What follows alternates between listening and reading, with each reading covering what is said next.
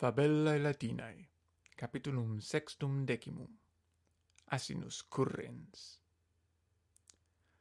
In campo propeortum Iuli pueri pila ludere solent.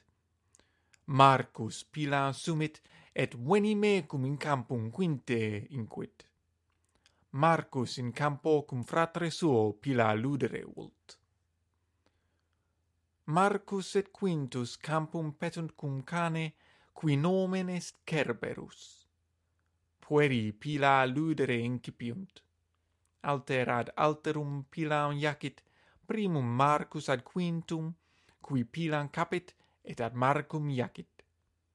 Marcus pilam capit, et Rursus ad quintum jacit, neque quintus pilam capere potest, sed canis pilam capit. Iam canis ante quintum stat pilam ore tenens, quintus pila cane poscit. Dami mihi pilan cerbere.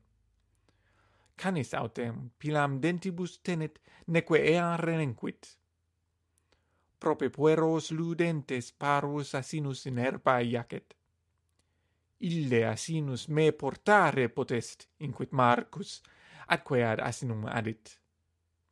Surge asine inquit, et asinum pede pulsat asinus surgit, et Marcus eo ascendit. Iam puer super asinum sedens, ecce ecus meos quinte inquit, eques fortis est frater tuus. Quintus. Qui asino vehitur eques non est, neque asinus te vehere ult. Marcus asinum manu verberat et clamat, curre asine!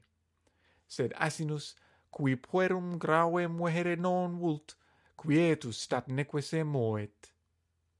Asinus rudet, hia, hia! Canis asinum rudere audit et latrat, bau bau! Pila ex ore canis cadit. Quintus pilam capit eamque in asinum jacit. Asinus per territus currit, et Marcus ad terram cadit. Asinus eum cadentem pede pulsat. In herba jacens Marcus asinum currentem aspicit, consiste asine, clamat puer, sed asinus ab eo fugit. Canis post asinum currit. Quintus ridet, quod equitem fortem in herba jacentem videt. Marcus irratus, stultus est asinus inquit.